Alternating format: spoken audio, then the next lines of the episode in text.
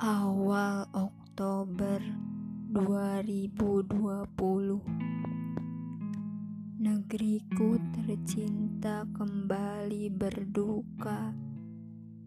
Ibu Pertiwi menangis melihat dirinya terluka. Para tulang punggung keluarga menjerit berteriak meminta hak-haknya putra-putri bangsa pun turun memenuhi jalanan. Mereka semua hanya ingin didengarkan.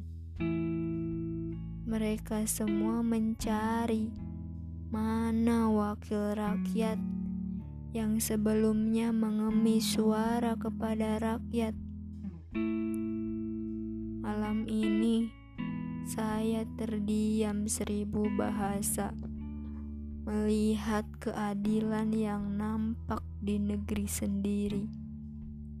Ketika demokrasi dipaksa untuk terus satu frekuensi, ketika pro dan kontra dianggap tidak lazim lagi, dan ketika para pemimpin yang gemar menutupi Sebenarnya, siapa yang mereka lindungi? Teruntuk yang terhormat, para pemimpin di negeri ini, rakyatmu sedang tidak baik-baik saja. Mereka yang kamu janjikan di setiap lima tahun sekali itu kini sedang sakit. Mereka sakit, para pemimpin dan wakil-wakilnya yang duduk di gedung mewah itu seakan menutup telinga. Sebenarnya, siapa yang tuan dan puan ini bela? Sebelumnya, kami kami memang hanyalah seorang remaja. Remaja berseragam putih abu-abu yang tidak terlalu mengetahui banyak hal. Tapi, apakah salah jika kami bersuara dan peduli?